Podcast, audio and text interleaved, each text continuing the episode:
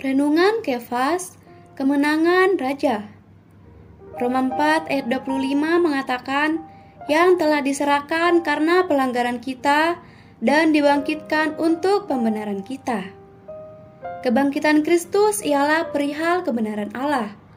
Allah itu benar dalam menghukum Kristus di atas salib sebagai pengganti kita. Terhukumnya Kristus di atas salib ini adil dan benar yang menanggung dosa-dosa kita di atas salib untuk menggenapi sepenuhnya semua tuntutan kebenaran Allah. Sebab itu, melalui kematian Kristus di atas salib, secara hukum kebenaran Allah telah dipuaskan seluruhnya. Sebab itu, Kristus dikuburkan dalam kubur baru milik seorang kaya. Ini menunjukkan bahwa segera setelah memuaskan tuntutan kebenaran Allah, Kristus beristirahat sebagai kegenapan nubuat Alkitab.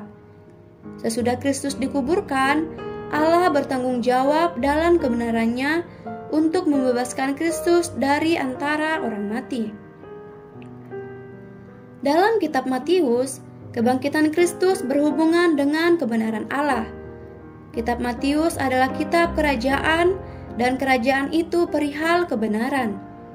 Sebab itu, Menurut Matius, bagi Kristus dibangkitkan dari kematian berarti Allah membebaskan dia menurut kebenarannya.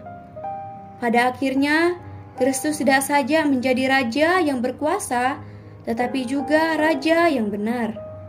Jika Anda membaca nubuat tentang kerajaan Kristus, Anda akan nampak bahwa kerajaannya tidak banyak berhubungan dengan kekuasaan melainkan sangat berhubungan dengan kebenaran dan keadilan. Kerajaan bukan masalah kekuasaan, melainkan masalah kebenaran. Raja penyelamat surgawi secara benar dihukum oleh Allah di atas salib, dan ia secara benar pula dibangkitkan dari kematian oleh Dia untuk menjadi raja yang benar. Ia mutlak benar. Ialah raja yang benar bagi kerajaan Allah yang benar. Sobat Kefas, kita telah nampak bahwa kebangkitan sangat bertalian dengan kebenaran Allah. Kerajaan surga dibangunkan dan didirikan di atas kebenaran Allah, di mana Allah bertanggung jawab untuk membangkitkan penebus yang benar dan membuat kita menjadi benar. Sebab itu, kebangkitan Kristus ialah wilayah kebenaran. Dalam lingkungan kebangkitan Kristus, Allah adalah Allah yang benar dan kita adalah umat Allah yang dibenarkan. Terang hari ini yang pertama, apakah arti kebangkitan Tuhan bagi kita hari ini? Yang kedua, bagaimanakah kita dapat melihat kebangkitan Kristus hari ini?